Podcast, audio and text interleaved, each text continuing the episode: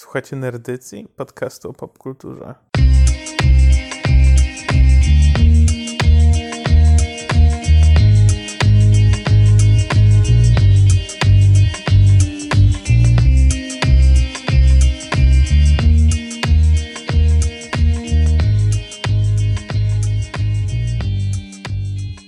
Jest ze mną nie tak jak zawsze, bo na żywo, a nie internetowo.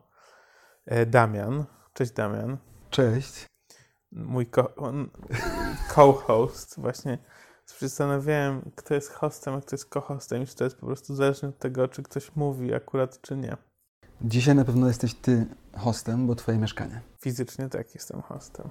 Natomiast podcastowo chyba oba jesteśmy co-hostami. Tak, jesteśmy współhostami, e, współprowadzącymi, ale dzisiaj mieszkanie twoje z pełnym zachowaniem e, oczywiście dla słuchających urzędników państwowych e, covidowych norm No, bezpieczeństwa. tak, tak. Trzymamy dystans. E, no właśnie, social distancing robimy. E, no i co, słuchaj, bardzo fajnie, że nam się udało spotkać w końcu. E, jest to zawsze wydarzenie. Raz na rok nam się udaje nagrać coś Nie- razem. Nagrać razem tak, ale spotkać częściej. Spotkać częściej, to prawda. Już nie będę tak narzekał. Nie jest tak źle. No dobrze, słuchaj, i co? E, Nie będziemy ukrywali, że to jest taki temat popularny ostatnimi czasy ze względu na premierę gry. Temat naszego odcinka. Temat naszego odcinka, tak. Jest to cyberpunk. Yy, I co? I nie będziemy mówili konkretnie o grze, ani o żadnej konkretnej rzeczy, więc troszkę odchodzimy od naszej formuły, a też trochę wracamy do naszej pierwotnej formuły. Nostalgicznej. Bo dzisiaj w ogóle sobie porozmawiamy o tym, czym jest cyberpunk, jak my cyberpunka rozumiemy yy, i w ogóle o takich różnych rzeczach związanych z, z cyberpunkiem. Tak, tak jest i istotnym jest to, że skąd nam się ten pomysł wziął. Wziął się nam po części z gry, na pewno, bo był hype i może też od niej zaczniemy, albo ją skończymy, kto wie. Zależy od tego, jak chcemy zagrać. I też dlatego, że jakoś rozmawialiśmy właśnie, że, że może taki odcinek końcowo-roczny będzie trochę taki właśnie niezdefiniowany o jednym filmie, tylko o różnych filmach, czy w tym wypadku o jakimś tam gatunku. No i cyberpunk trochę był tym, co pojawiało się już w wielu naszych odcinkach, pośrednio albo bezpośrednio. Szczególnie oczywiście y, w odcinkach o filmach trzech y, najbardziej cyberpunkowych, czyli Blade Runner, Akira i Matrix, tak bym założył. Ale też przewijał się gdzieś tam w ogóle w tle, nie? I, I chcieliśmy może tak pogadać, no właśnie, tak sobie pogadać, czym to w ogóle jest, czy to jest gatunek, czy to jest forma wizualna, czy to jest styl, czy to jest ideologia, czy to jest gender. To, żeby prezesa zapytać. Szefa. Szefa I- właśnie. I tak, także mamy jakieś pytania przewodnie, które byśmy sobie chcieli odpowiedzieć na nie wspólnie. I trochę to jest taka może co, luźniejsza forma, może bardziej nieluźna, trochę nie wiemy. Tacy jesteśmy, że sobie tak chcemy porozmawiać o tych różnych filmach. Ja widziałem część, ty widziałeś inną część, pewnie tę część widzieliśmy wspólnie. Znaczy nie wspólnie, ale że ty i ja je widzieliśmy. Tak. Tak samo z książkami. I zaczynamy.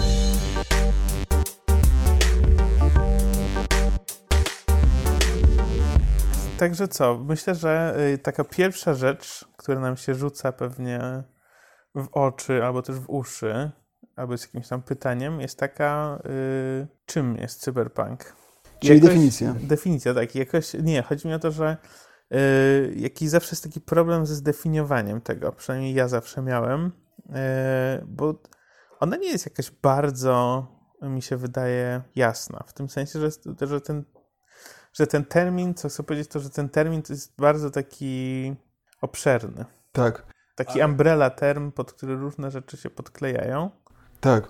Y, I jakieś tam ja na przykład mam taką definicję, którą się kieruję i która dla mnie jest jakaś tam definiująca dla cyberpunka, ale też dużo rzeczy oglądałem na temat cyberpunka i wcale ta moja definicja się nie zawsze sprawdza w przypadku innych osób, które to definiują. Czy mówisz o twojej y, czterosłow, sł- czterosłownym przys, y, to nie jest nawet przysłowie, tylko twoja czte- czterosłownicowa definicja?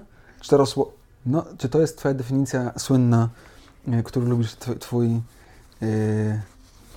no nie motto, jak to się mówi? Credo. Twoje credo, o, czy, czy, czy to jest twoje cztero, Cztero- Jezus, no, Czy to jest twoje credo składające się z czterech słów? Tak, tak. Ale okazało się, że to jest ze wstępu do książki Williama Gibsona, czyli tak. takiego najbardziej popularnego autora, jeśli chodzi o cyberpunk, tak. najbardziej rozpoznawalnego. To jest ze wstępu, który ktoś napisał, niestety nie pamiętam kto, i tam faktycznie pada sformułowanie high-tech, low-life, czyli wysoka technologia połączona z jakimś takim półświadkiem, nie wiem nawet jak to nazwać, no. Tak. Półświadkiem, ale w rozumieniu takim, że po prostu z jakąś niższą klasą społeczną. Tak, tak, tak. No dobra, czyli poczekaj. Tak jak zawsze lubię, porządek. Tak. Zaprowadźmy go trochę. Ja w ogóle na przykład tak bym zaczął, zadałbym ci takie pytanie, podchwytliwe, jak no, zawsze no, no. lubię. Bo mnie tak, wiesz, ciekawi osobiście, takie osobiste informacje o to ja zbieram do mojej teczki prezesa. Y, kiedy pierwszy raz w ogóle się zetknąłeś z tym? Czy to jest coś, co zawsze słyszałeś, czy nie? I jakby, czy masz jakieś takie wspomnienie, wiesz, kiedy cyberpunk pojawił się w twoim życiu? I jakby może od tego możemy zacząć tę definicję, nie? Co myślisz? Okej. Okay. No właśnie, dla mnie cyberpunk, ja y, cyberpunka szczerze dość wcześnie się zetknąłem z tym, y, bo jakoś tak no nie będę konkretnego jakby okresu czasowego podawał, czy to nie masz na czy po gimnazjum, czy koniec szkoły podstawowej, czy coś tam. W każdym razie dość wcześnie i to było y, ze względu na grę RPG, słuchaj, papierową taką. Z kostkami? Z kostkami i w ogóle, tworzoną przez Mike'a Pondsmitha, czyli Cyberpunk 2020.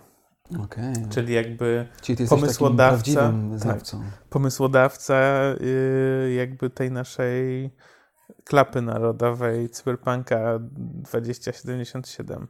No jakoś wtedy on zaistniał w moim życiu. I grałeś y, dużo, mało, czy co? W sensie regularnie Raz mi się udało. Okay.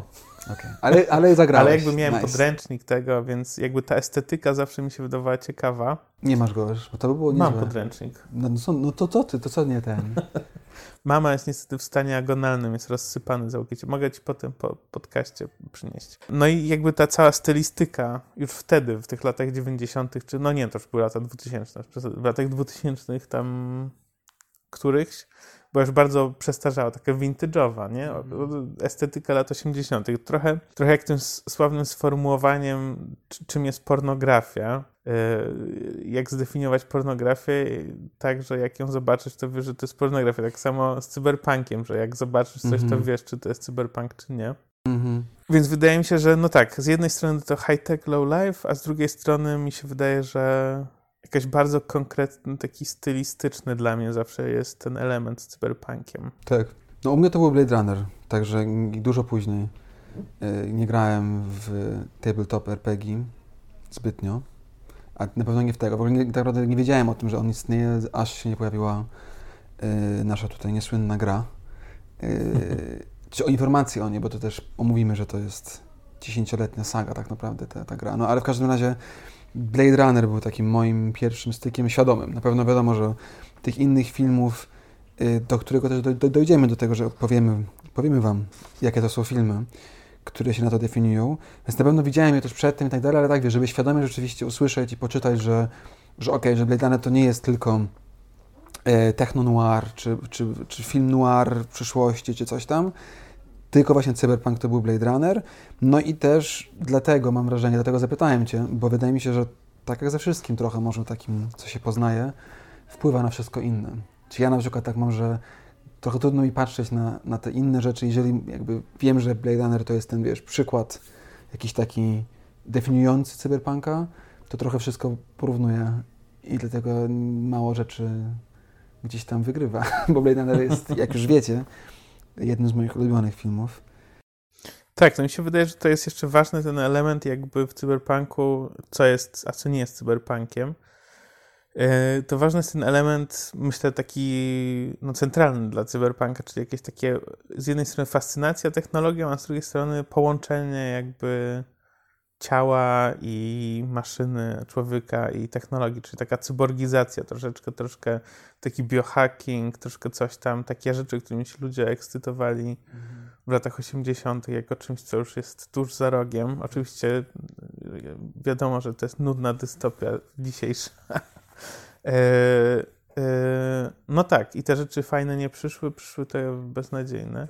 Tak, tak, nie, to jest tak. Na pewno y, cyborgi, takie wiesz, postludzie, czy w ogóle jakby pytania o naturę człowieka, to jest coś, co dla mnie jest bardzo istotne też i ciekawe. Ja to lubię na przykład Blade nasza dyskusja i jakby mój, mój problem z sequelem wokół tego był, tak, że, że to mi się podobało w pierwszej części, w pierwszej części, w Blade Runnerze, y, że to było to, to pytanie, kto jest kim, kto jest cyborgiem, kto jest człowiekiem i co to znaczy i tak dalej. W Matrixie to samo mieliśmy, tak.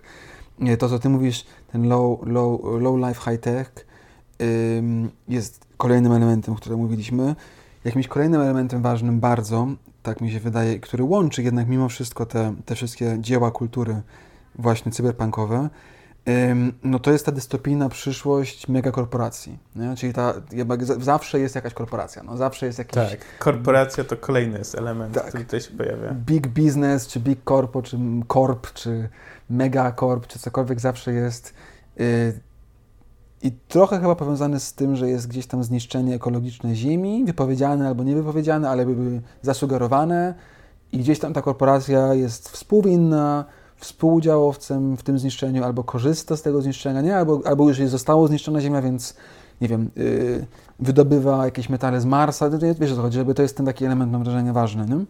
Tych korporacyjnych rządów dystopijnych, no i oczywiście z nim powiązany przemoc policyjna. To jest coś, co wydaje mi się, że też jest bardzo jak tak patrzę na tę listę filmów, które tutaj sobie wypisaliśmy, to no to przemoc, jakby taka przemocowość policyjna, yy, no właśnie, którą też trochę już znamy z dzisiejszego świata gdzieś tam, nie? Ale... No myślę, że to się wszystko wywodzi yy, z tego okresu, jakby, że to jest bardzo mocno ugruntowane w tym okresie historycznym, w którym cyberpunk powstaje. Yy, rzućmy tutaj kilka nazwisk. Ronald Reagan, Margaret Thatcher, neoliberalizm. Henry yy, Kissinger. Tak. Mm, no więc tak, no jak możecie już się domyślić, cyberpunk powstaje jako taka jeszcze nienazwany gatunek, tak? Powiedzmy w połowie lat 80. No na początku lat 80. pojawiają się pierwsze takie cyberpunkowe jakieś yy, opowiadania i tak dalej, natomiast no jako taki już samoświadomy powiedzmy jakiś nurt to jest połowa i schyłek lat 80. No i William Gibson, który tutaj się pojawił, był takim najbardziej znanym autorem i on napisał e, no właśnie książkę tutaj padła, czyli Burning Chrome, drugą książkę w serii Spro. To jest chyba Zasięgu po polsku, jakoś tak dziwnie. Pierwsza najbardziej znana to Neuromancer, Neuromancer. No i tak jak sobie powiedzieliśmy, to jest właśnie lata 80., czyli jakieś takie zafascynowanie tutaj technologią i jakimiś takimi możliwościami połączenia ciała i człowieka, jakiegoś takiego wejścia w cyberprzestrzeń, bo też William Gibson wymyślił określenie Matrix i mm.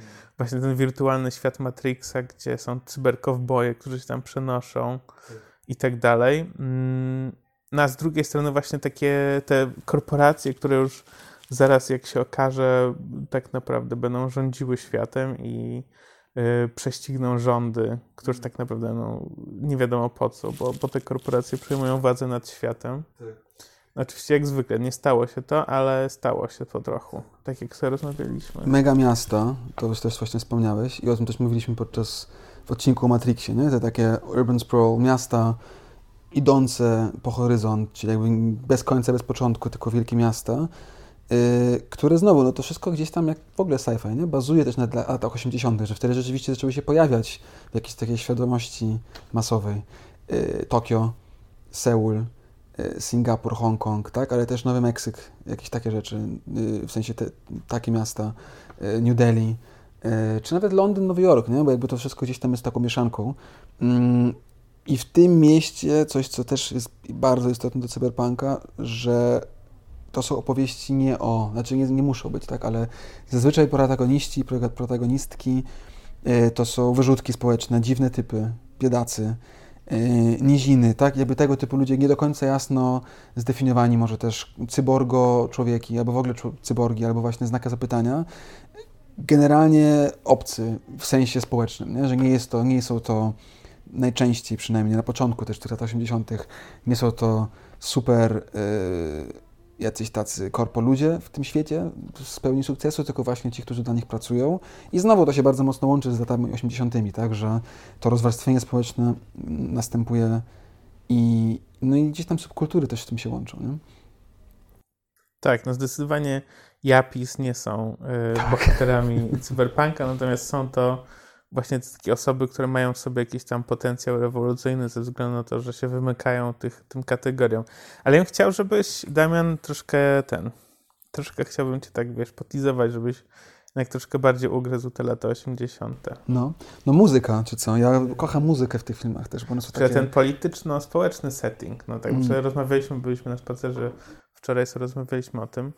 Może ten, może coś tutaj masz do powiedzenia jeszcze. Yy, a druga rzecz, no to tak jak mówisz, wspomniałeś, ten taki orientalistyczno-azjatycki klimat, to też bardziej jest twoja działka. No. Myślę, że do tego sobie dojdziemy. Tak. Nie no, są one, tak? W sensie, y, te filmy, myślę, że następnym punktem naprawdę powinno być, musimy powiedzieć, o jakich filmach w ogóle mówimy, bo trochę tak omawiamy je, ale y, no, większość z nich jest totalnie orientalistyczna i, i są to takie wizje, no, wizje Japonii, która jest w Stanach, tak, tak naprawdę, coś takiego. No, jakby takie Stany, San Francisco zmęczowane z Tokio, tak, czy tam Nowy Jork, Chicago połączone z Seulem, Tokio. Y, czyli Japonia, Korea, ale no, y, gdzieś tam też Hongkong. I, I, jest to zarówno fascynujące i fajne, ale też problematyczne oczywiście, tak? I, I znowu Blade Runner tutaj może najciekawszym przykładem, że to jest tam tak fajnie pomieszane, mm, ale te inne filmy też. Dobra, to już powiedzmy, po, powiedzmy o tych filmach, bo widzę, że bardzo chcę, żebyśmy mieli pełen kontekst, y, a potem, potem jednak chciałbym wrócić do tych lat 80. Dobra, no to czyń honory.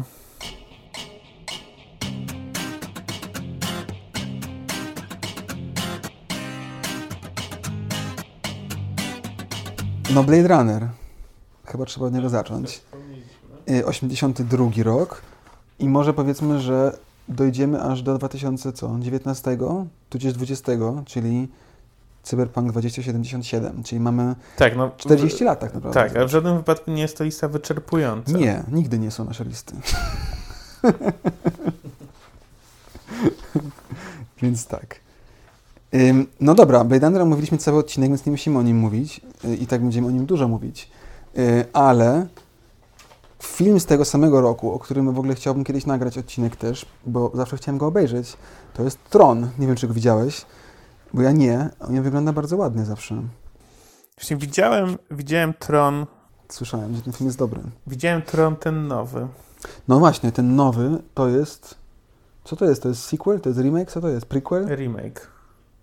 2010. A może to nie jest remake, to chyba jakiś... Sequel to sequel. jest. Tam się pojawia ten... The Dude. The, the Dude abides. Y no dobra, czyli co? Blade Runner, Tron. Jak, jak, jak przechodzimy... Tak, może szybciej. No tak, właśnie. Czy... Z życiem. e, Robocop. Nie, bo ja myślałem, że tak będziemy omawiać sobie film po filmie troszkę. Ja myślałem, że wiesz, bo... Przynajmniej tak, tak po jednym zdaniu. skaczemy, wiesz.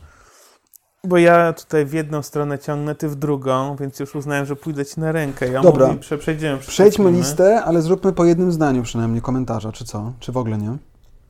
No dobrze, Robocop. E, widziałem ostatnio. I co? Już jedno zdanie, bam.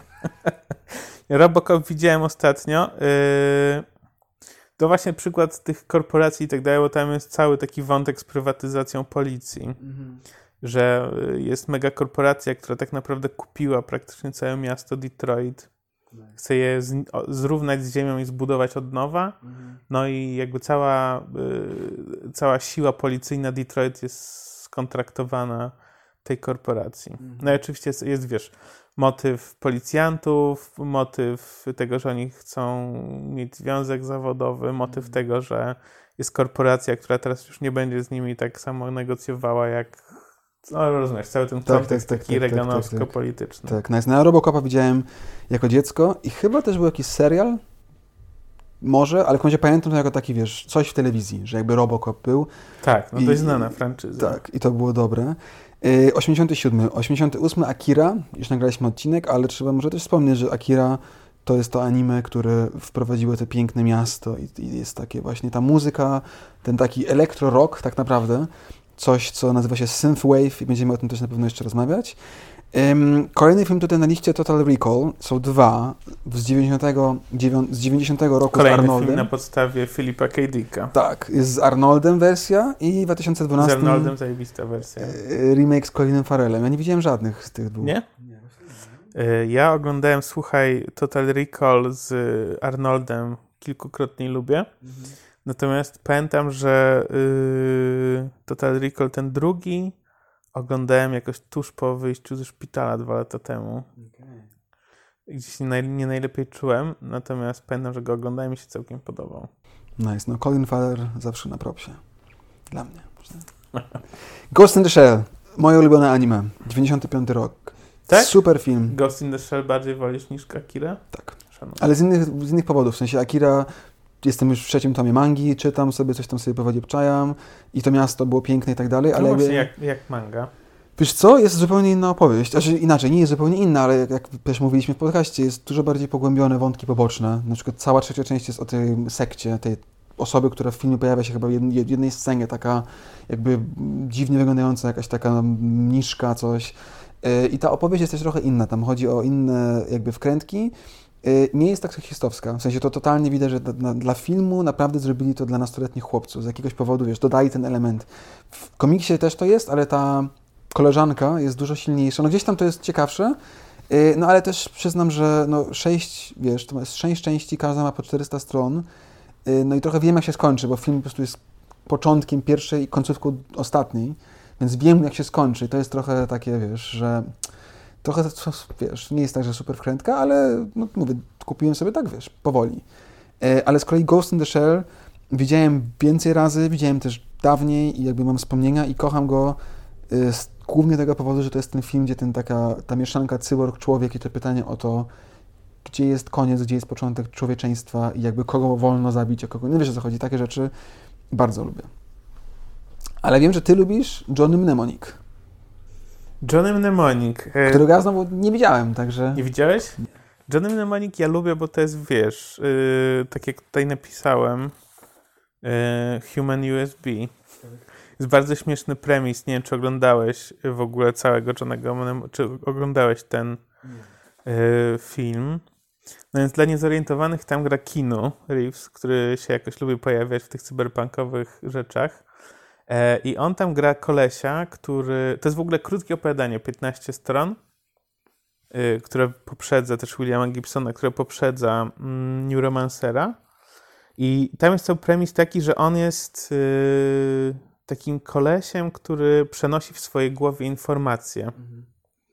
Że jakby on ma w głowie taki zaszyfrowany dysk jakiś specjalny, na którym przenosi informacje. Yy, no jest, wiesz, które teraz by się zmieściły tam na USB. No ale on w każdym razie on je przenosi w swojej głowie, dlatego że wiesz, że właśnie mózg ma jakieś tam możliwości zapamiętywania, nie wiadomo, jakichś informacji. Z cały motyw tam Ice-T w ogóle gra ten raper yy, jest, yy, nie, nie chcę spoilerów robić, no ale tak, Johnego Mnemonika polecam. Miałem coś do powiedzenia na jego temat jeszcze. A, i że to jest mi się wydaje, słuchaj, jeden z takich ostatnich filmów, gdzie właśnie jest taka orientalistyczna wkrętka. No widziałem właśnie, że to tam też, nie wiem, czy to się dzieje w Chinach, czy to jest coś z Chinami, ale widziałem Jest jakieś y, wątek, fragmenty. to się dzieje w Ameryce, natomiast są takie są, y, są takie orientalistyczne tam wątki, Mhm. które wydaje mi się już jakby tail end, koniec Mhm. tych tym, jeden z ostatnich takich filmów. No Okej, ciekawe. Tak jakby końcówka lat 80., w sensie się lat 80. kończą stylistycznie w 95 roku. No i oczywiście cały jest wątek korporacji, jakiegoś komputera, którym AI, które jakby żyje własnym życiem. No, jest bardzo du- duży wątek. Nice. Brzmi dobrze. Czyli to jest rok 95. No i potem mamy trylogię Matrixów, którą też już omówiliśmy i będziemy wracać. Mm, Kolejny film, który gdzieś tam się w tym lokuje, to jest Minority Report. Yy, chociaż ja nie jestem przekonany, żebym to w ogóle nazwał cyberpunkiem. Co o tym myślisz?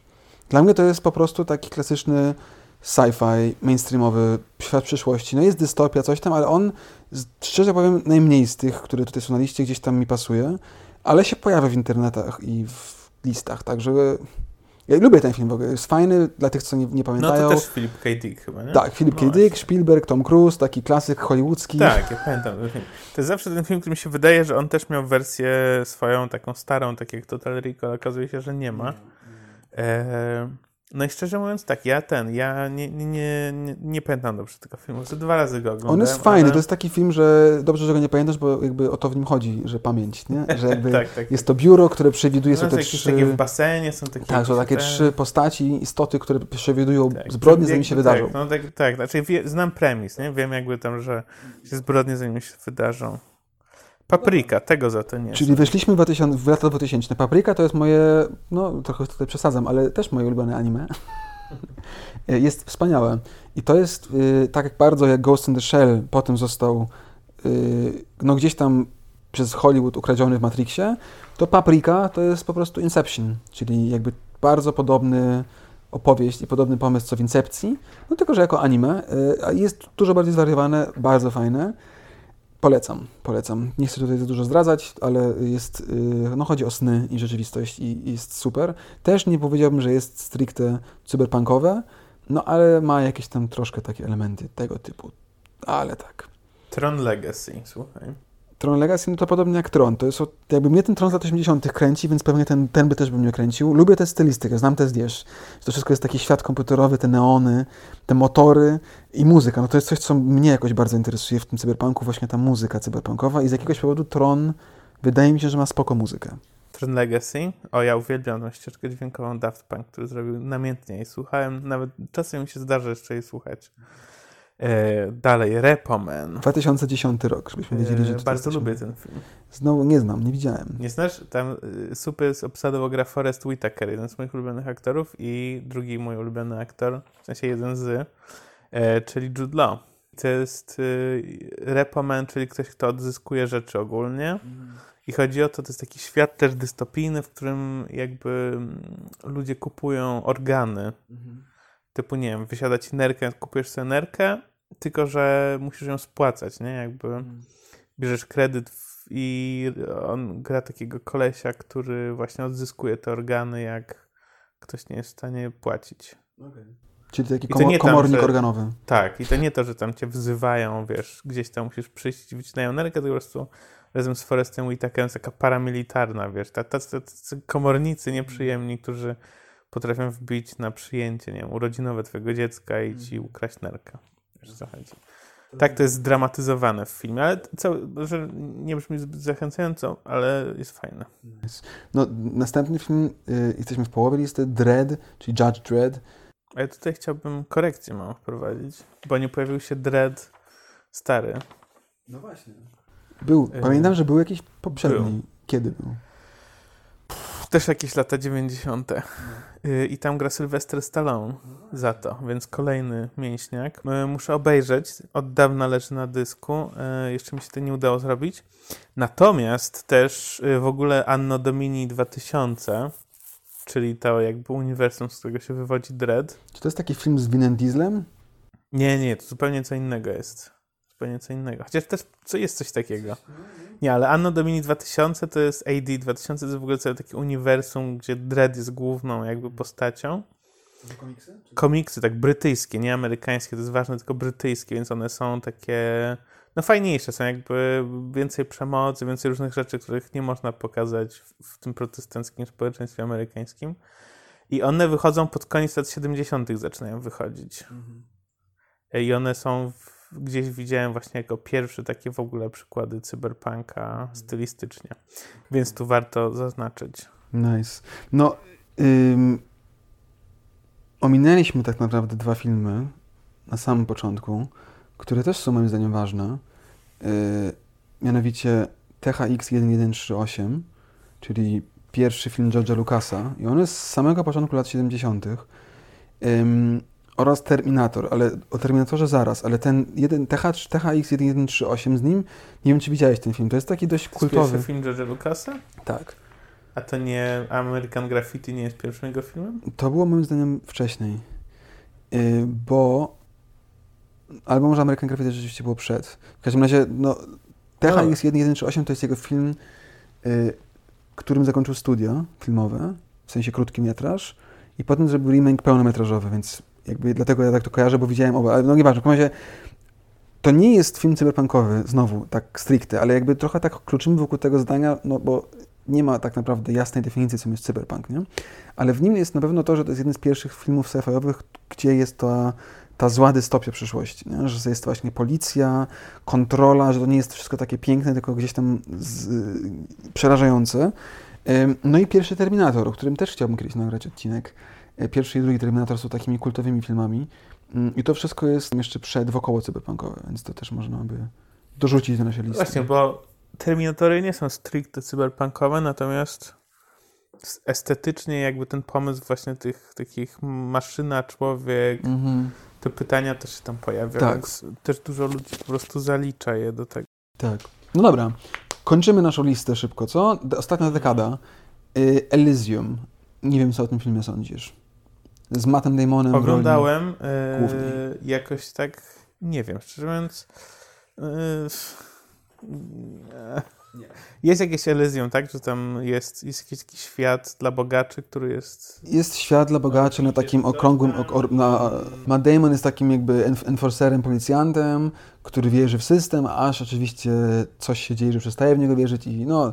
Dla mnie to był taki film, jak bardzo wiele y, filmów sci-fi pokryzysowych, po roku 2008-2009. Mam wrażenie, że sci-fi przestało działać z różnych powodów, które mają fajny pomysł i beznadziejne wykonanie. I iluzją było takie, że pierwsze 15-20 minut spoko, ciekawe i potem to się robi bardzo złe. Także ja jestem No bardzo, właśnie, no jakoś tak zapamiętałem, on jest źle. taki cheesy troszkę. Tak, tak, tak. Ale tutaj następny film na liście, nasz chyba jeden i twój i mój jeden z ulubionych pozytywnych przykładów ostatnio nowych filmów, czyli Ex Machina. Znowu, nie powiedziałbym, że to jest stricte cyberpunkowe, bo nie mamy y, wielkiego miasta, nie mamy deszczu, nie mamy synthwave'u y, i tak dalej, ale jednak jest to niesamowicie fajny film, jeśli chodzi o to pytanie, gdzie jest cyborg, gdzie jest człowiek. Y, jest takim fajnym horroro, sci-fi o czymś i ja go bardzo lubię. Y, jest moja ulubiona scena taneczna, jeśli chodzi o filmy w ogóle. Lubię, lubię, filmy, lubię sceny taneczne w filmach. Tak, to jest całkiem zabawna scena. I ona jest super. Y, co dalej mamy? Blade Runner, twój ulubiony.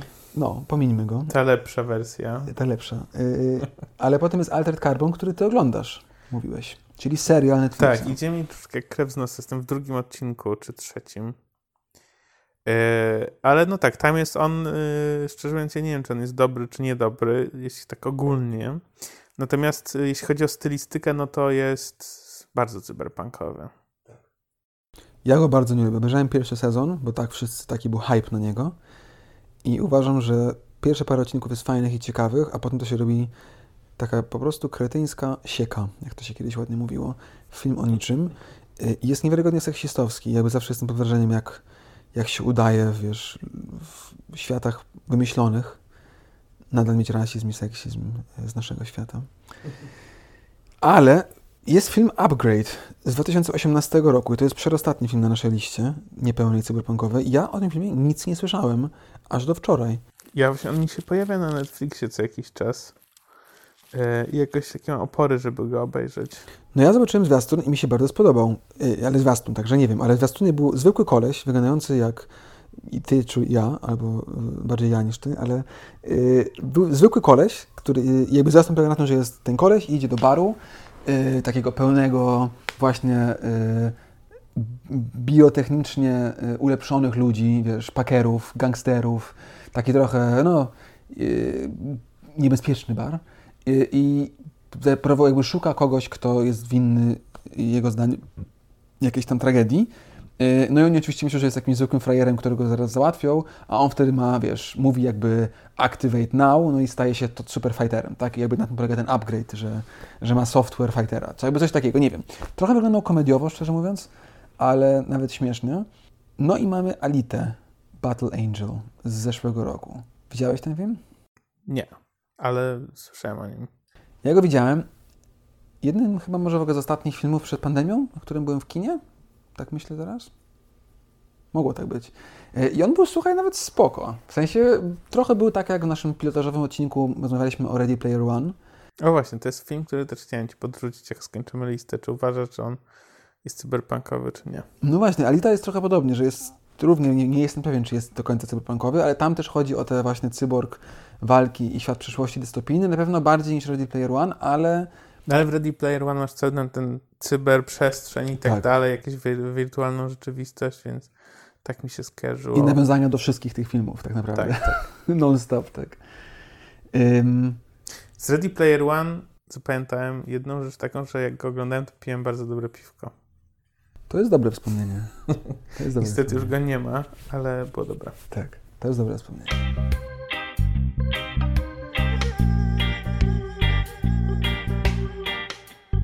No dobra, Kuba, i co nam, co nam wyszło z tej, z tej listy? Dlaczego ją, przy- jakby co, co teraz? Wymieniliśmy wszystkie filmy, dużo, za 20. No właśnie, teraz Co mamy łączy, taki czy co? ogląd. Mamy ogląd, o czym mówimy. Mamy ogląd. Yy, No właśnie, cały czas chciałbym jednak, żebyś ty coś powiedział, wiesz. Żebyś ty coś powiedział o tych czasach, kiedy powstawał cyberpunk.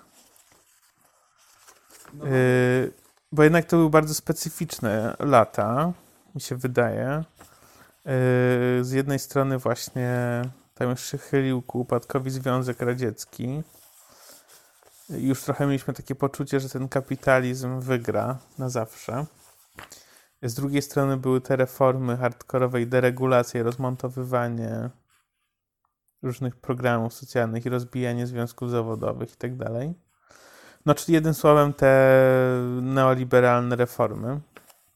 No i ten cyberpunk trochę się pojawia jako taka odpowiedź właśnie takich tych radykalnych wyrzutków, jakichś takich osób, które szukają y, jakichś tam no może właśnie y, możliwości rewolucji, czy jakiegoś tam kontr, no przeciwdziałania temu właśnie w tej wirtualnej przestrzeni, która jest, no nie, tak jak ci podesłałem ten cytat z Mhm. deklaracji niepodległości Tak, tak, tak. cyberprzestrzeni, Tak.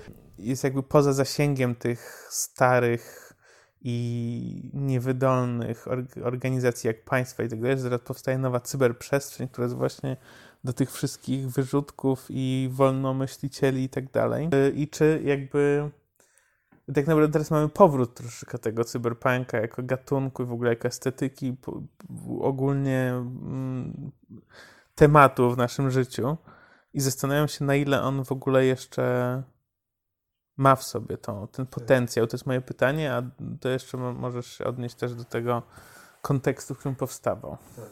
To pytanie jest bardzo istotne i wraca pięknym łukiem do naszego przewodniego tematu całego podcastu, czyli nostalgii i tego, tej tezy, którą gdzieś tam postawiliśmy y, y, 19 odcinków temu, y, że ta nostalgia jest takim, taką bardzo gdzieś tam problematyczną formą skapitalizowania czegoś, co miało potencjał rewolucyjny, a, a teraz stało się, no nie wiem, wydmuszką, Disneylandem. Y, No i to jest pytanie ciekawe. I chciałbym o nim podyskutować, ale tak jak mówisz, ten kontekst lat 80. jest bardzo ważny. To, co powiedziałeś, neoliberalizm z jednej strony, z drugiej strony postmodernizm. Tak? Mamy Frederika Jamesona i, i ten, ten pomysł na postmodernizm i późny kapitalizm. Tak? Jest nawet cytat z tegoż właśnie Jamesona, który, który się zachwycał cyberpunkiem i mówił, że, że nie dość, czy nawet jeśli nie jest najlepszą form, formą, formą literacką, ym, postmodernizmu, to na pewno późnego kapitalizmu, tak? Czyli to powiązanie no gdzieś tam systemu ekonomicznego z systemem politycznym i systemem y, społecznym pięknie się w tym cyberpunku łączy. Do tego bardzo istotne są masowe media, nowe formy komunikacji, y, internet, który, tak jak mówisz, w tych latach 80. już istniał, czy jego zalążki istniały i te formy wymiany jakiejś takiej, powiedzmy, poza y, papierowej, czy tam cyberwymiany, y, zaczynały istnieć i były, ale dlatego, że właśnie nie były jeszcze masowe, w sensie dostępu, jak e-mail, tak, 92 roku czy coś, no były jednak dla jakiejś wtajemniczonej grupy, nie? że jakby to mi się wydaje tak ważne, że ten, ten słowo, to słowo punk w cyberpunku, no gdzieś tam jest istotne mimo wszystko, no bo te punki, tak jakby nie wiem, czy to się w ogóle odnosi do punków jako takich, ale jakby rozumiem do jakichś tam y, wyrzutków, tak, łobuzów tutaj napisałeś, tak, coś takiego, czyli jakby ludzi, którzy nie są w super mainstreamie, tylko gdzieś tam są poza, no jednak, żeby się zalogować do tego proto-internetu, y, no jednak trzeba było umieć trochę, tak, programować i kodować i w ogóle, więc ta taka iluzja może y, no takiej globalnej wioski, tak, czyli, czyli McLachlan, y, który, y, Marshall McLachlan, który właśnie kminił o tych mediach, tak, media ciepłe, media zimne i, i w tym wszystkim internet. Ym, Tak, no, to jest ciekawy wątek. Yy, może ja mam tutaj skrzywienie, bo pisałem o tym y, w mojej pracy magisterskiej. Y, o tym wczesnym jakby internecie. No. Y, no i tak, ta kultura łobuzów, że tak powiem, punków i tak dalej, to na pewno jest bardzo ważny element. No i zaczyna się w ogóle, nie wiem, czy znasz tą historię, mm, no. jak wyglądało pierwsze hakowanie. I to było jeszcze przed internetem, natomiast w czasach telefonów i tak dalej. I ktoś wykminił, że taki gwizdek, który był dodawany do płatków śniadaniowych, mm. jak się go zacznie gwizdać odpowiednio, jak się połączysz z kimś telefonicznie, to on wydawał takie dźwięki, które przełączały cię gdzieś tam i uzyskiwałeś jakby kontrolę nad okay, telefonem i mogłeś nice. dzwonić za darmo. Nice. gdzieś tam. E, było fra, fra, to się nie nazywało per se hacking chyba, tylko fracking jakoś tak przez PH. Okej. Okay. E, to phone hacking, tak jakby. Tak. Mhm. E, no i potem jakby cała ta kultura, potem jeszcze był taki projekt Well, mhm. który był takim proto-internetem, proto-forum jakimś takim, więc te postaci na pewno one są e, i właśnie to jest o wiele bardziej, że tak powiem, dla wtajemniczonych osób. Mhm. Ale też to jest bardzo dużo takich, no z jednej strony są naukowcy, więc bardzo konkretna grupa akademików, którzy są no, akademikami, którzy siedzą i czytają książki, a z drugiej strony są dość rewolucyjni, jeśli chodzi o teorię. No i z drugiej strony właśnie takie osoby, które hakują te telefony, które hakują banki, mm. które bardzo szybko zaczęły mieć te systemy informatyczne, natomiast nikt się nie spodziewał, że po prostu można się włamać do takiego banku, nie? Tak. Więc to są takie osoby, które faktycznie są łobuzami, po prostu udowadniają, wiesz, pokazują, że coś jest niebezpieczne, udowadniają i tak jakby ta przestrzeń takie staje się dla nich takim miejscem, gdzie właśnie takim nowym dzikim zachodem troszeczkę to jest, tak. to jest... amerykańskie spojrzenie tak. oczywiście. To nawiązanie, no bo ten dziki zachód, czy to takie no nawet nie zachód, tylko co, dziki, dziki, dzika, dzika przestrzeń, tak? Jakaś nowa przestrzeń, w której można być, jak zawalczyć, to może być każdym, niby, ale tak naprawdę wszyscy są nikim. I, I to, co mówisz, istotne jest, bardzo ważne uważam, żeby pamiętać, że naprawdę jest tak, że te lata 80., y, no to bardzo, bardzo ważni filozofowie i filozofki, którzy mieli potencjał i byli rewolucyjni, traktowali ten cyberpunk bardzo poważnie, tak? Czyli nie, nie, nie tylko tutaj już wspomniany Frederick y, Jameson, ale y, tak naprawdę wszyscy wtedy żyjący i aktywnie myślący, działający i zajmujący się też literaturą kminiacze y, mamy, mieli jakieś do tego odniesienie, aż do takiego, takiej skali, że Donna Haraway, czyli feministka amerykańska, bardzo ważna, na, napisała manifest cyborgów, Cyborg Manifesto, które który jest ciekawym dokumentem takim historycznym, ale też wtedy wydaje mi się bardzo na serio traktowanym, tak? w którym to słowo cyborg staje się, cyborg staje się gdzieś tam odzyskane. Tak? I, I jest ta teza, że części y, składowe ciała jakby są wymienne i są niezdefiniowane. Tak? I to w domyśle też chodzi oczywiście o, o, o rzeczy genderowe i transgenderowe i queerowe, ale też męsko-żeńskie i tak dalej. To jest, wiesz, to było coś takiego ciekawego, co wydaje mi się, że w tych filmach też wtedy powstających symultanicznie gdzieś tam było, tak? I stąd ta moja fascynacja, powiedzmy, gdzieś tam Blade czy czymś, mhm. czy Robocopem, czy Akirą, a gdzieś tam mam wrażenie, że tak jak wszystko w latach 90. staje się przaśny i kampowo-kiczowe, to gdzieś tam znika. No, ja właśnie, powiem Ci, że to mi się przewijało przez różne jakieś tam moje przygody akademickie, natomiast zupełnie już nie pamiętam nic z tej, z tej, z tej, z tej teorii cyborga. No ale jeszcze jeszcze body art, tak, który omówiliśmy sobie bardzo fajnie przy Matrixie, tak, czyli no w ogóle ten świat symulakry i świat, w którym y, już nawet nie jest tak, że rzeczywistość składa się z jakby jej replikantów, czyli jakby z powtórzeń rzeczywistości w ramach rzeczywistości, tylko mamy powtórzenie rzeczywistości, w których są powtórzenia i jakby ta symulacja składająca się z tych symulakr Y, staje się rzeczywistością nową i jakby wiadomo, tak? Omawialiśmy to i to jest ważne. I to w tych filmach, no właśnie, jakby jeżeli coś, to ja bym miał taką tezę, no, że jednak ta podstawowa różnica między Blade Runnerem, Terminatorem, Tronem, Robocopem, Akirą, yy, a właśnie. Tymi filmami, które teraz są tworzone, Alita, Ready Player One, Altered Carbon, nawet Ex Machina, jest to, że ta nostalgia, która jest u podstaw tych nowych filmów cyberpunkowych, yy, no jest pusta, jeśli chodzi o taki potencjał rewolucyjny, no koniec końców. A w tych filmach dziejących się symultanicznie do wytwarzania się tego pomysłu, no one wszystkie starały się gdzieś tam komentować i krytykować, no. I też może dlatego jakby tutaj od razu sobie sam odpowiadam, że y, no jednak tamte filmy mówiły o przyszłości, a te filmy trochę odpowiadają na te wizje przyszłości z punktu widzenia już tej przyszłości, która stała się przeszłością, tak? Tak jak mówiliśmy, Blade Runner dzieje się w 2019 roku, który dla nas już jest przeszłością i tak dalej. Także to też oczywiście jest ważne, żeby pamiętać, tak? Czyli te wizje przyszłości no były fascynujące, bo i już kończę, oddaję Ci głos, ale ważne jest też to, że przecież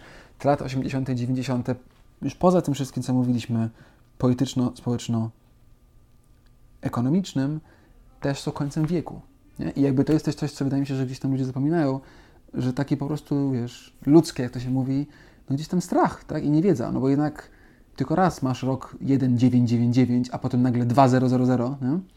Yy, w swoim życiu, w życiu nas wszystkich, wiesz o co chodzi, że to, to też jest coś, co jest bardzo istotne gdzieś tam, nie? Y2K. Wszystkie komputery wysiądą. Stary, swoją drogą Y2K yy, jest bardzo cyberpunkowe, jak tak bym teraz pomyślał. No, no, no. Totalnie. Yy, totalnie. Oddajesz głos do studia. yy, nie no, myślę, że tak, zgadzam się z tobą i faktycznie wydaje mi się, że te takie produkcje, które dzisiaj uznajemy za cyberpunkowe, po prostu używają go jako pewnej kolejnej no, kolejnej stylistyki, kolejnej jakby nostalgicznej żanry, którą można sobie przepakować w coś bezpiecznego i coś, co da się bardzo łatwo sprzedać. Yy, I jest pozbawione, że tak powiem, tych zębów czy pazurów też tak. Yy, niebezpiecznych. I może to jest dobry moment, yy, nie żeby kończyć, bo dopiero się rozkręcamy, ale żeby dojść do tego, od czego gdzieś tym to się zaczęło, czyli pierwsza gra komputerowa w naszym podcaście, czyli Cyberpunk 2077 który, która to łączy w sobie bardzo dużo, proponuje bardzo dużo. Yy, no i gdzieś tam jesteś ciekawa do omówienia, co myślisz? Mimo tego, że i ty i ja trochę sobie pograliśmy. No ja tak pograłem 15 minut. Okej, okay, no ja tak za 4 godziny. Okej. Okay. no i co, to mów, ty jesteś w takim razie bardziej doświadczony. Ale może ty więcej wiesz, bo ty w ogóle jesteś bardziej gamerski niż ja, czy nie? Trochę jestem. Bo ja, albo tak, ja ci powiem, ja pierwszy raz o tej grze słyszałem z 5 lat temu, z okazji jakiegoś E3, czy tam wiesz, tych targów komputerowych. I to było moim zdaniem w okolicach Wiedźmina 3, czyli jakby CD Projekt Red już wypuścił Wiedźmina 3 i jakby teasował następny projekt. I to było na tyle dawno temu, że jakby już zdążyłem się ucieszyć, wyczekać i znudzić. I jakby to przekładanie i to ciągłe mówienie o tym jest coś, co dla mnie się łączy podstawowo z tą grą, plus ten taki hype polityczny, że to będzie gra wszechczasów i Polska będzie y, na językach świata. I to, to są takie dwie główne emocje, które mnie łączą z tą grą, ale nie wiem, nie wiem jak ty. Czyli chodzi mi o to, że trochę nam się kończy, zamyka znowu kręg. Czyli mamy grę RPG, która powstała w 1985, czyli gdzieś tam u początku tego gatunku, y, i mamy komórę komputerową z tego roku, 2020, która gdzieś tam na nie bazuje. No i E, bezpośrednio na niej bazuje. A tak? Jeden do jednego? Czy jakby świat jest. Okej, okay, no właśnie, powiedz. Yy, inspirowany mocno, z tego co wiem przynajmniej. Tak, tak, tak. Logo całe, pokażę Ci podręcznik potem, mm. to logo też jest jakby... Okay. Czyli kupili prawa po prostu i to jakoś tam... Z... Prawdopodobnie tak, tak. tak. tak. No tylko, że tamten Cyberpunk był 2020, a ten jest 2077, więc mm. rozumiem, że chcieli wydać w tym roku tę grę. Mm. Po prostu, żeby jakoś tam nawiązać do tego. Yy, co ja ci powiem? Ja jakoś bardzo tego nie śledziłem, szczerze mówiąc, cyberpunka gry. Wiedziałem, że ma wyjść i że się wszyscy jarają. I moim zdaniem to jest jakby to, co zgubiło mhm. tą grę, czyli hype po prostu. Hype train się zbyt rozpędził, to było pendolino hype'owe. Yy, no i wyszła ta gra. Z, z jednej strony wiem, że na starych konsolach, czyli tam na PS4 i na Xboxie, ona po prostu była i jest dalej pewnie w dość niegrywalnym stanie. No a poza tym ma bardzo dużo błędów jakichś i brakujących brakuje tam jakichś różnych rzeczy, które obiecywali, że będą. Więc to jest ta spektakularna klapa. Moim ulubionym bugiem, no, czyli no. błędem jest to, że jak jedziesz na motorze, czy jak wsiądziesz na motor i zaczniesz jechać, to postać, którą kontrolujesz, wstaje, robi ręce w kształt T, tudzież krzyża i zdejmuje gacie. I jakby jedziesz na motorze, nadal możesz jechać, ale masz jakby nagłą postać, która roz, rozpościera ręce jak jakby nakład, miała, wiesz, bawełnę. Nice. Włókno. I jakby tak. Yy, natomiast natomiast jakby kontekst w ogóle gamerski, jeśli chcemy go tak nazwać, jest taki, że no CD Projekt Red było takim trochę sweetheartem tych takich conscious gamers, nie? Mhm.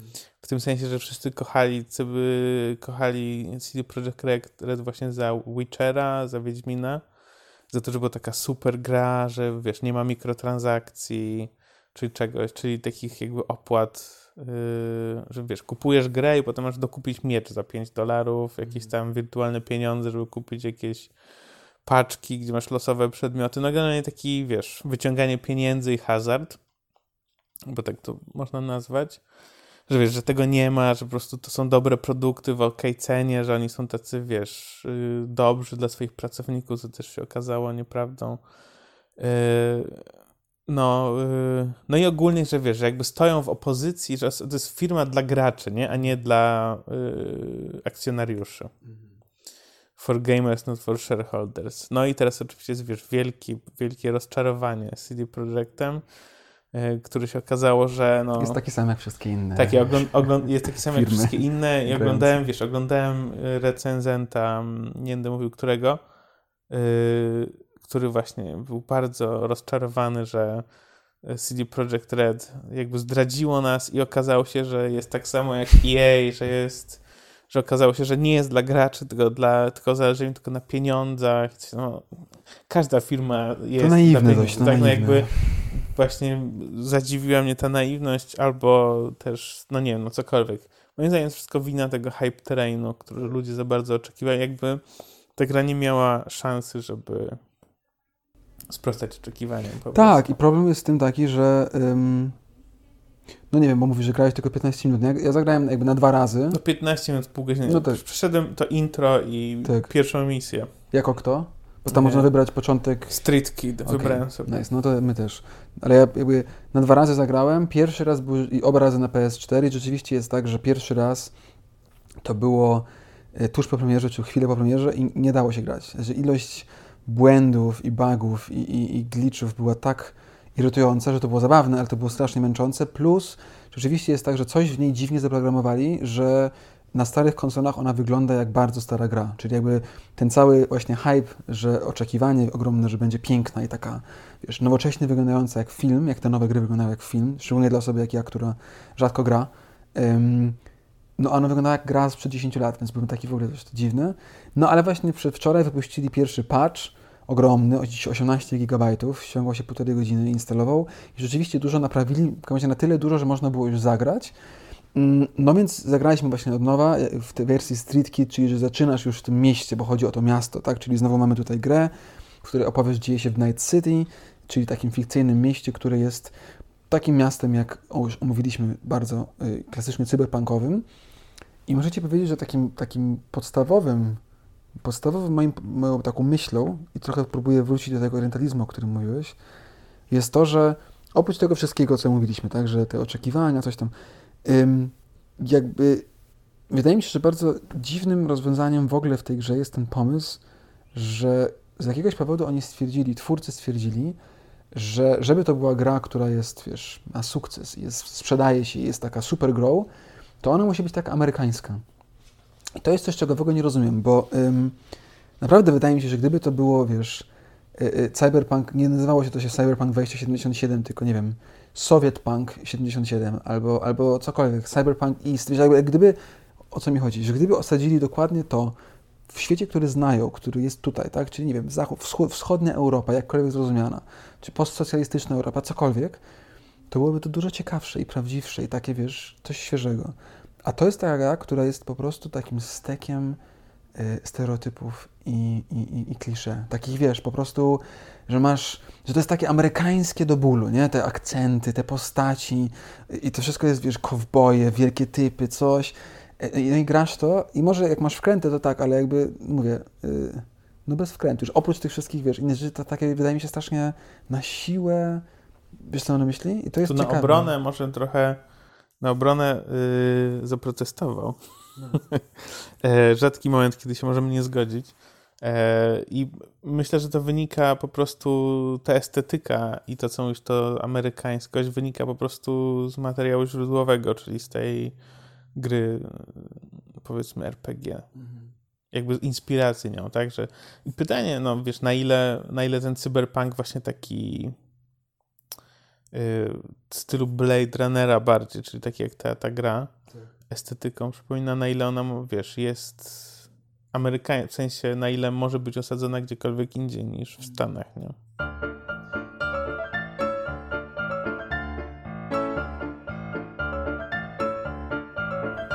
Może i tych podgatunków, które takie są, jest dość dużo.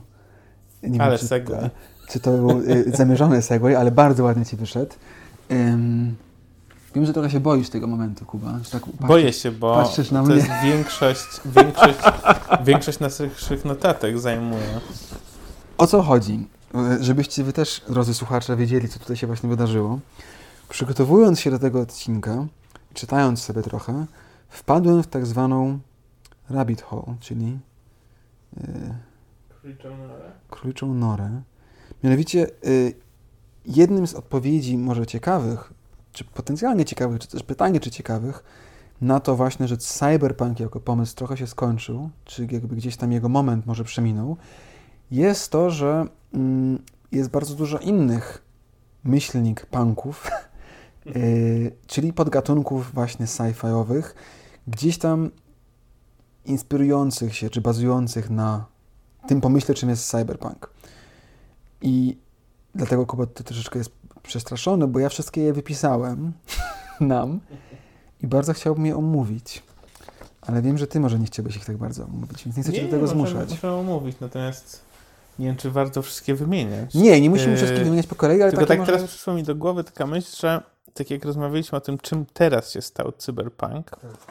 czyli pewną stylistyką pozbawioną tej jakby rewolucyjnego ładunku, to wydaje mi się, że potem te kolejne punki, czy na- najsławniejszy steampunk i tak dalej, yy, one się w większości odnoszą po prostu jakby do konkretnej stylistyki, Mhm.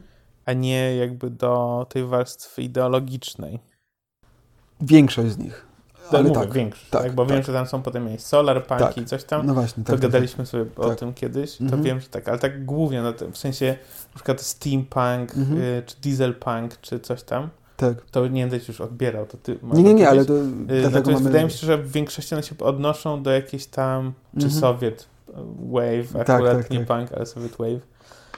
Y, One się odnoszą do kolejnej stylistyki i też do nostalgii. Myślę, że- Soviet Wave akurat jest takie totalnie nostalgiczne. Tak. Y, Tak, No tak, dobra, tak. to ten. To Świetnie. dawaj, dawaj. No, yy, zgadza się. I to jest, to, to jest też to, co mnie zaciekawiło, że z jakiegoś powodu, i to też jest może kolejnym przykładem na to, że cyberpunk stracił w ogóle tę rewolucyjność, bo naprawdę jest, tak jak mówisz, że większość z nich traktuje go tak, jakby to był tylko styl. I w związku z tym, ale no, wiecie o co chodzi, że, że dwa, dwie kategorie, które rozpoznaję, ja przynajmniej. Retro-futurystyczne i po prostu futurystyczne, tak? Czyli ten pomysł jest, że mówimy o przeszłości czy o przyszłości. I retrofuturystycznych jest trochę więcej i one są tak naprawdę wszystkie bardzo podobne, więc nie musimy ich omawiać. Myślę, że może pomysł miałem taki na to, że, że z tej listy tutaj omówimy, możemy omówić głębiej te, które Ciebie mnie interesują, albo mnie interesują, albo są śmieszne, tak? Ale wspomniałeś o steampunku i one wszystkie będą takie same, dlatego steampunk może szybko tylko. Jest chyba najpopularniejszy w ogóle. Jest najpopularniejszy, też jest chyba najstarszy z nich tak naprawdę. Mam wrażenie, że jakby istnieje też najdłużej, nie? Yy, No, czyli ten pomysł, że mamy technologię mechaniczną z XIX wieku, bazującej na parze, tak, stąd ten steampunk, stylóweczkę wiktoriańską, gdzieś tam angielski, Wiktoriańską. ang- angielski, angiel, Anglii wiktoriańskiej, no ale wizję takiej przyszłości, tak, czyli jakby wynalazki, przyszłość, latające rzeczy, automatony i tak dalej. e, ale jakby na tym. I, I ty masz chyba wkrętkę, wydaje mi się, dość dużą w steampunk, co? Czy nie? E, Ja wkrętkę w wiktoriańską stylóweczkę. No właśnie. lubię bardzo filmy osadzone i, i seriale osadzone w tym okresie. Natomiast mi się steampunk, nie powiedziałbym, że jestem bezpośrednio, mam wkrętkę w steampunk, bo mi się steampunk głównie kojarzy ze złym cosplayem. Ze złym jak... cosplayem albo z bardzo dziwnym takim erotic cosplayem. W sensie tak, takim... jak mówisz steampunk, mam przed oczami zły cosplay z tak. DeviantArtu. Tak.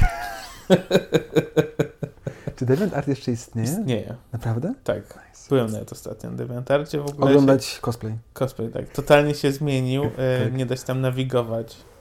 E, no tak, steampunk... Y... Powiedziałbym, że lubię, jak jest dobrze zrobiony. Mhm. Yy, jakiś przykład? Jak jest dobrze zrobiony. Masz jakiś przykład na końcu? Przykład. Yy, Taki wiesz, czegoś, co jest fajne, czy co lubisz? Co jest fajne ze steampunku, co no. ostatnio widziałem. Netflix wypuścił taką serię krótkich animacji mhm. i form, bo to nie tylko animacje są. Love, Death, Robots, jakoś tak, nie wiem, czy kojarzysz. Wiem, że jest, nie widziałem, ale wiem, I tam że jest. jest jedna taka, bo to, się, to jest jakby antologia, antologia mm. takich różnych, y, od różnych twórców, y, krótkich takich tak. filmików. I tam jest jeden, gdzie właśnie steampunkowo w Japonii się dzieje. Mm -hmm. A poza tym to nie kojarzę jakichś takich dobrych steampunków ostatnio. Kojarzy mi się jakiś zły western jakiś był taki mhm. Liga Niezwykłych Gentlemanów. Znaczy to, to nie był to jest, to jest ten, to bazuje na komiksach Nila Gaimana, więc to jest tak naprawdę komik, to jest tak naprawdę film o superbohaterach, koniec końców, gdzieś tam, bazujący na komiksie z Seanem Connery i z paroma innymi. I on był, ja też pamiętam go, że on był bardzo zły, ale jako dziecko totalnie go lubiłem.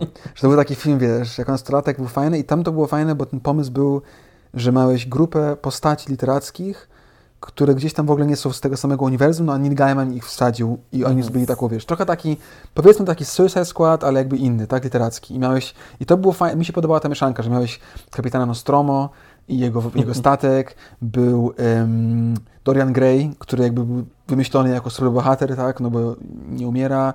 E, kto tam jeszcze był, nie pamiętam, kto tam, jakiś wampir był, no w razie, a chyba był też Jekyll Hyde, takie wiesz, i to, ale no generalnie też wiktoriańska Anglia, to było spoko, um, ale ja, taki też dziwny steampunk z kolei, no tak jak ty też może poleciłeś, yy, właśnie japoński, znaczy nie japoński, ale osadzony też w Japonii, który ostatnio oglądałem i um, był niewiarygodnie dziwny, ale bardzo mi się podobał, dlatego też, że kocham Batmana, ale to był Batman Ninja.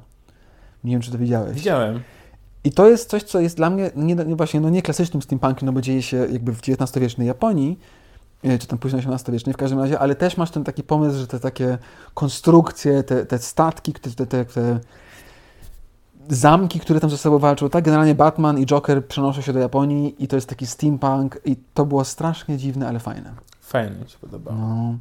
no dobra, i potem mamy bardzo dużo, y, jakby pomysł jest taki, że jest bardzo dużo kolejnych podgatunków takich właśnie do steampunka już tak naprawdę, które mają ten sam premise, czyli jakaś technologia, jakiś styl z jakiegoś okresu użyty, żeby stworzyć jakiś, jakąś opowieść o y, przyszłości. No więc tak, mamy dieselpunk, czyli bazuje to na latach 20., 50., powiedzmy, od 20 do 50. XX wieku, czyli ropa, generalnie ropa, tak, czyli przedcyfrowym. I jego z kolei jeszcze taki bardzo specyficzny gatunek to jest deco-punk, czyli art deco, tak? czyli Nowy Jork, Boston, Chicago, ery art deco.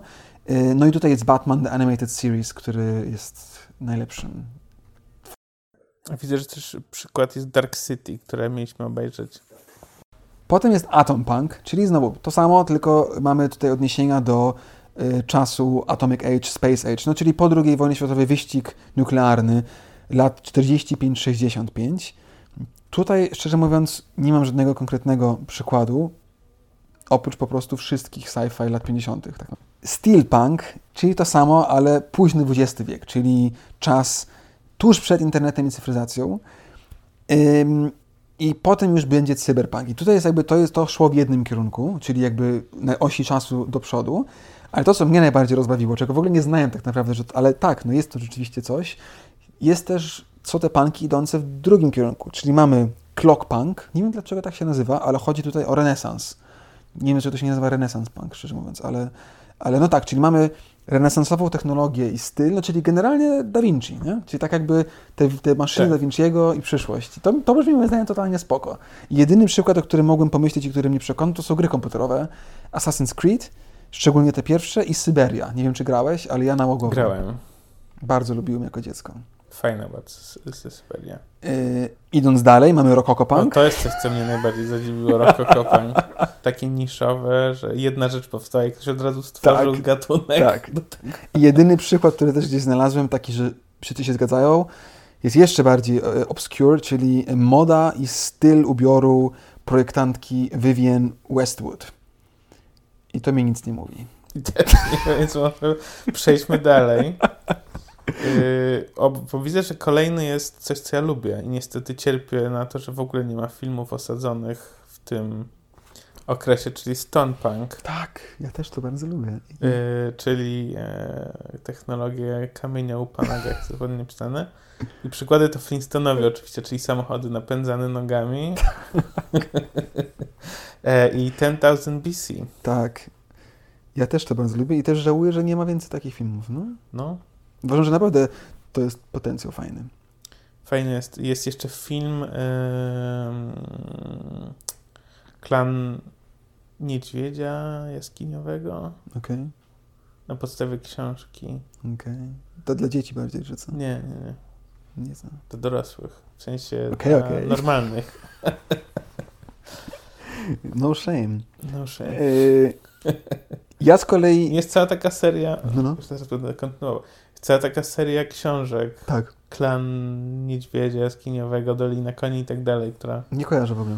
No to jest taki taki trochę romans, trochę coś tam osadzone właśnie, nie chcę powiedzieć w latach, w sensie osadzone w tych starożytnych, Mhm. no, nie starożytnych, prehistorycznych czasach. Mhm. I był jeden film, to tak seria ma wiele książek, ale film był tylko Okej. jeden. Czaję sobie, brzmi to niespoko.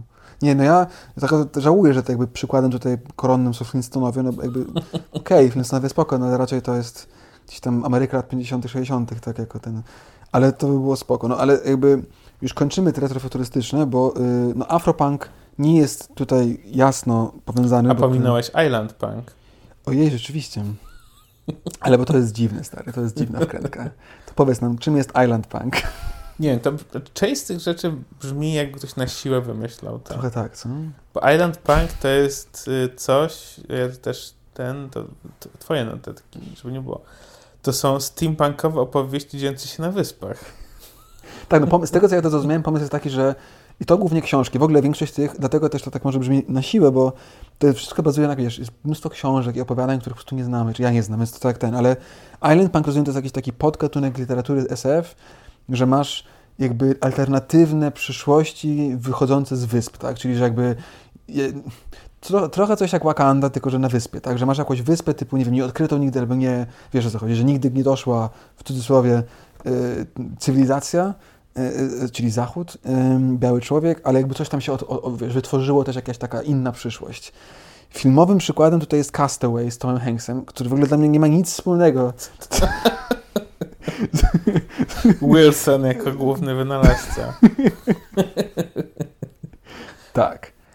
Y, Dobra, przewęci Afropunk. No Afropunk to bardziej jakby też styl muzyczny i ubioru i tak dalej i- wywodzący się z afrofuturyzmu, czyli Black Panther i Sun Ra, ale Afropunk jako, i to jest dlatego tylko chciałem to wspomnieć, że to jest gdzieś tam wytworzyło się z kolei bardzo mocno jako ubiór i styl muzyczno-estetyczny, ponieważ od 2005 roku odbywa się w Stanach festiwal muzyczny Afropunk, na którym właśnie jak się wrzuci w internet są bardzo fajne zawsze zdjęcia, no taki cosplay, tak, czyli koniec końców steampunk z takim touchem, yy, dotykiem gdzieś tam czarnej kultury amerykańskiej. No i teraz mamy bardzo, już kończymy kilka takich właśnie podgatunków punk yy, futurystycznych, tak? Czyli one nie bazują w ogóle na stylu i technologiach przyszłości, tylko gdzieś tam mówią o przyszłości i też tu się z Tobą zgadzam, nie rozumiem dlaczego konkretnie one muszą nazywać się punkiem, a nie są po prostu gatunkiem sci-fi. Jakby nie wiem dlaczego, wiesz o co chodzi, dlaczego to nie może być Solar FF. No ale jeszcze jest ten Solar Punk, o którym też już mówiliśmy parę razy, czyli ta przyszłość, w której generalnie chodzi o walkę z kryzysem klimatycznym, y, wygraną i to jest takie bardziej utopijne i wszyscy robimy DIY, y, żeby pomóc światu. No i odpowiedzią na to taką ciemną oczywiście jest Lunar Punk, czyli że się nie udało. Okej, Trochę bez wkręty, szczerze mówiąc. nie. Chociaż y, ja lubię, znaczy w ogóle SF o klima klimacie ja mam bardzo dużo wkręty, ale nie takie właśnie cukierkowe. Y, no i potem mamy biopunk i nanopunk, które są dość podobne do siebie, y, czyli wizje alternatywnej przyszłości, gdzie biotechnologia wiedzie prym, a nie technologia informacyjna, tak? Czyli ten cyberpunk chodzi o te, te czasy wokoło, początkowo internetowe, no i w biopunku chodzi już o te czasy postinternetowe, czyli zaawansowane technologie komputerowe bazujące na implantach DNA, coś tam. No a nanopunk to jest jakby jeszcze krok dalej, czyli nanotechnologia, nanorobotyka i ogólnie nano rzeczy, czyli technologie mniejsze od nanometra, czyli 10 do minus 10 metra, do minus 9 metra. Nie wiem, czy którykolwiek z tych może coś do powiedzenia, bo ja w sumie nie. Ja też nie. Y, no mówię, dla mnie to jest takie dzielenie włosa na czworo, no ale dobra. Tak. No ja to jestem, wiesz, OCD, więc lubię takie. Jak coś się nazwać można, zdefiniować. Ostatnim, który może też jest fajnie, żeby powrócić do naszego początkowej dyskusji i gdzieś tam to powoli kończyć może, jest post-cyberpunk, czyli bardzo podobny world building co cyberpunk, z tą różnicą, że bohaterowie już nie są samotnikami walczącymi z dystopijnym systemem świata przyszłości, ale bardziej częścią tego świata. Y, I też nie do końca musi być dystopia, tylko trochę taka, powiedzmy, nudna codzienność, tak? Nadal pod wpływem zmian technologicznych, ale może nie tak ekstremalnych jak w cyberpunku. Trochę to dla mnie brzmi jak opisywanie po prostu większości filmów science fiction właśnie ostatnich 10-15 lat, yy, czyli taki cyberpunk light dla centrystów i liberałów. No. Ładnie okay. wygląda, ale bez ideologii. No. Kojarzy mi się trochę z jednym z moich ulubionych subredditów, o których Ci mówiłem, czyli Boring Dystopia. Tak. Gdzie ludzie wklejają przykłady tego, że żyjemy w nudnej dystopii, bo nie ma tych ciekawych rzeczy, które miały być w cyberpunku. Tak. Natomiast są te nudne i dystopijne. Tak, tak, tak.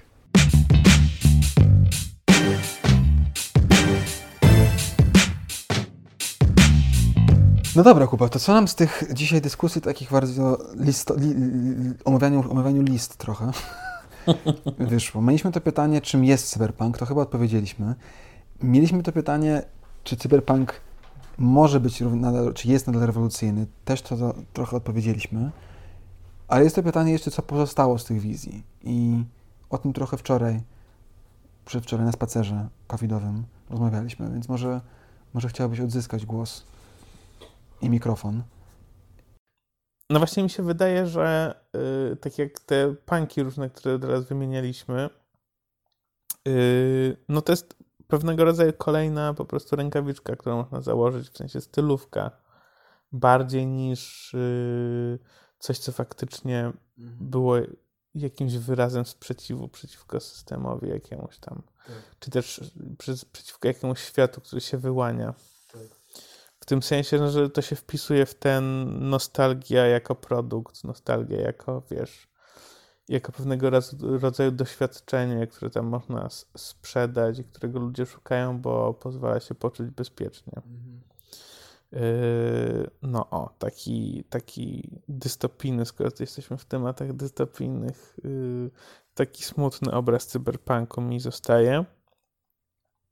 No ale nie wiem, może może ty masz jakieś bardziej pozytywne? Nie, raczej bardziej negatywne, ale pytanie, wiesz, no w ogóle to jest pytanie ciekawe, także dzisiaj trochę tak y, celowo też gdzieś tam zawęziliśmy tę dyskusję, żeby traktować te filmy jako cyberpunkowe, no ale koniec końców to wszystko są filmy popularno-naukowe, gdzieś tam tak związane z naszym tutaj tematem głównym, czyli nostalgiczną popkulturą i no i jestem ciekaw, jestem naprawdę ciekaw, szczerze ci powiem, jeśli miałbym powiedzieć coś pozytywnego, to jestem ciekaw, jak zmieni się gatunek SF y, jako cały i szczególnie właśnie cyberpunk po naszej trwającej pandemii.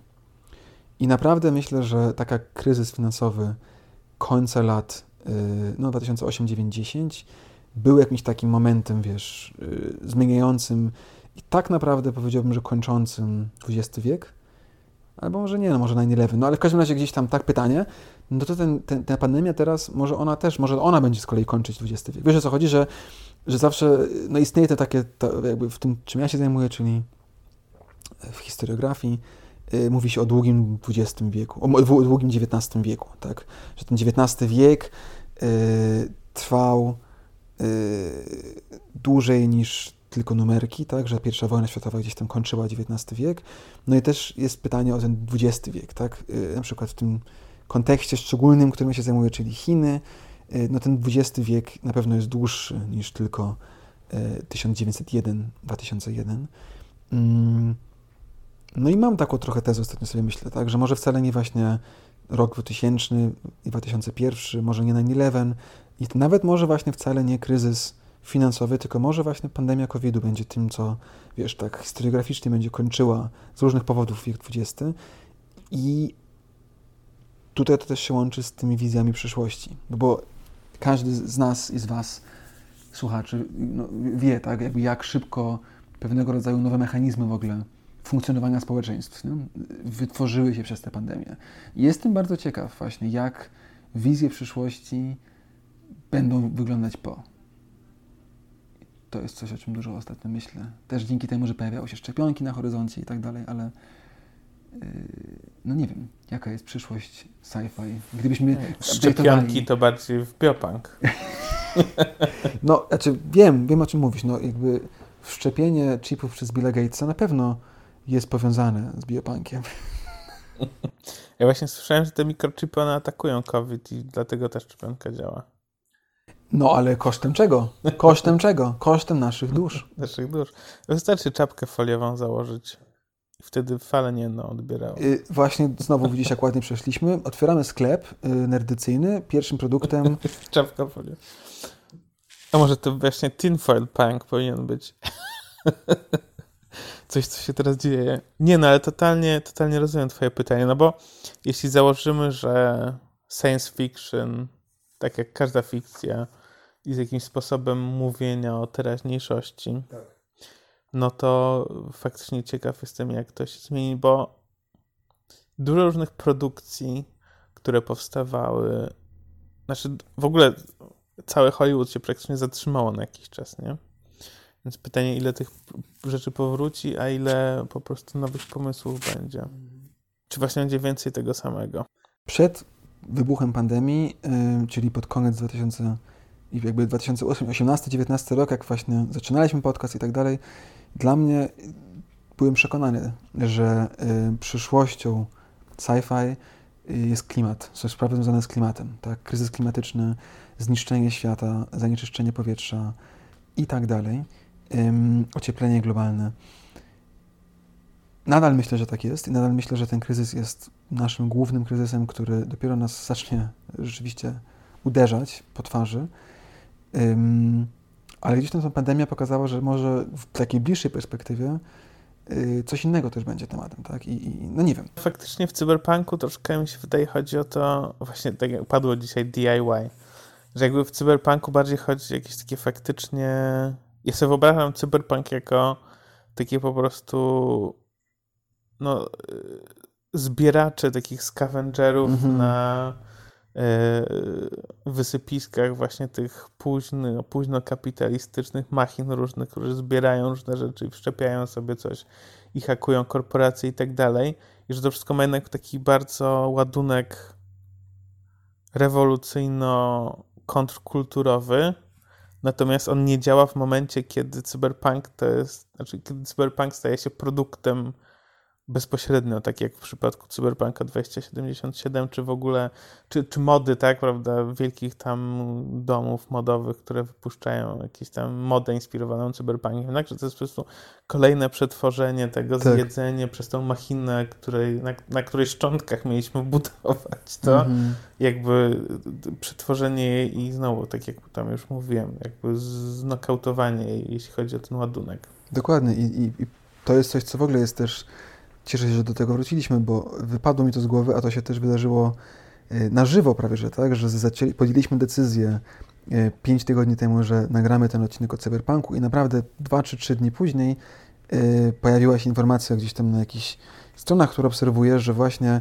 szereg firm ogromnych, modowych w Chinach w ramach, jak rozumiem, to nie było skoordynowane, tylko po prostu jakoś taki był trend nagle, postpandemiczny, w pełni weszło w cyberpunk i, i były zdjęcia i, i jakby cały tekst był o tym, że właśnie szereg, y, nie będę wymieniał, bo nie robimy reklamy tego typu firmom, ale szereg dużych domów modowych, y, globalnych, ale też chińskich, właśnie w nowej kolekcji jesiennej y, stylizuje się cyberpunkiem I, i, i nie wiem, czy te zdjęcia widziałeś w tym, w tym artykule, ale ta moda była taka właśnie bardzo mocno DIY-owa, no, że przyklejone jakieś kable, jakieś plastikowe elementy. Yy, bardzo to jest neonowe, bardzo to jest kolorowe, bardzo to jest 80sowe, ale też jest takie bardzo właśnie nie. No DIY, ale jednak sprzedane i kupione i tak dalej. Jeśli jest jeden element cyberpunku, który się cieszę, że nadal istnieje i, i bardzo aktywnie go używam, no to jest jednak muzyka. I, I o nim nie wspomnieliśmy tak bardzo, jak rozmawialiśmy o tych filmach bardziej konkretnie w naszych odcinkach, to omawialiśmy też Wangelisa na przykład, tak, w kontekście Blade Runnera, ale tak, synthwave, cyberwave, jakby jak te, elektro, coś tam koniec końców, nie znam się na tych gatunkach, ale na YouTubie jest bardzo dużo bardzo fajnych takich właśnie playlist, elektro, rock, cyberowo, jakichkolwiek i tego dość dużo słucham ostatnio, także to, to może zostać. No dobra, to może zakończmy tym wątkiem yy, pozytywnym, muzycznym, bo ja też bardzo lubię tą, tą muzykę, też mam w nią wkrętkę. Yy, no i co? Chyba starym, nerdycyjnym zwyczajem powinniśmy przejść do rekomendacji. Zróbmy to. Przejdźmy do rekomendacji. Co masz dzisiaj dla nas, Kuba?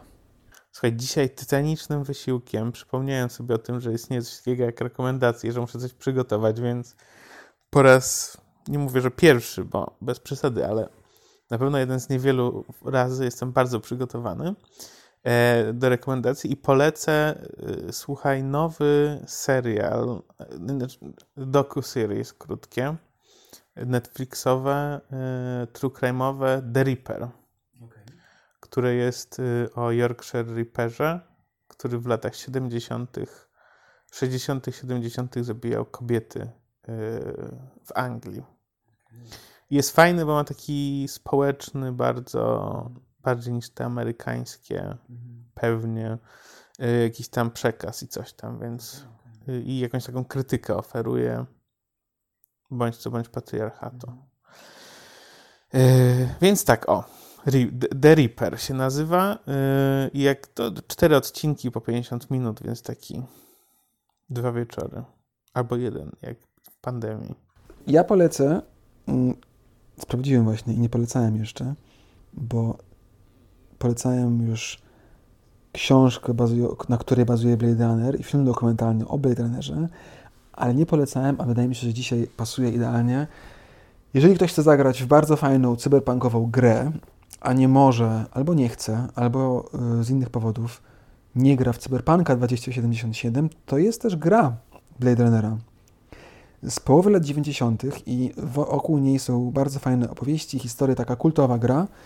Y, też na pewno wrzuciliśmy mm, w notatki odcinka o Blade Runnerze artykuł o tej grze. Y, także taka kultowa i tam, no, ciekawe wokół niej są historie. W każdym razie zrobili jej remastering i na tak zwanym GOGu Y, na gog.com jest dostępna i, i polecam ją. No dobra, Damian, słuchaj, bardzo się cieszę, że nam się udało nagrać naszą nerdycję na żywo teraz, dzisiaj. Y, I co? Do usłyszenia w kolejnym odcinku. Wszystkiego dobrego na nowy rok. Wszystkiego dobrego, w nowym roku.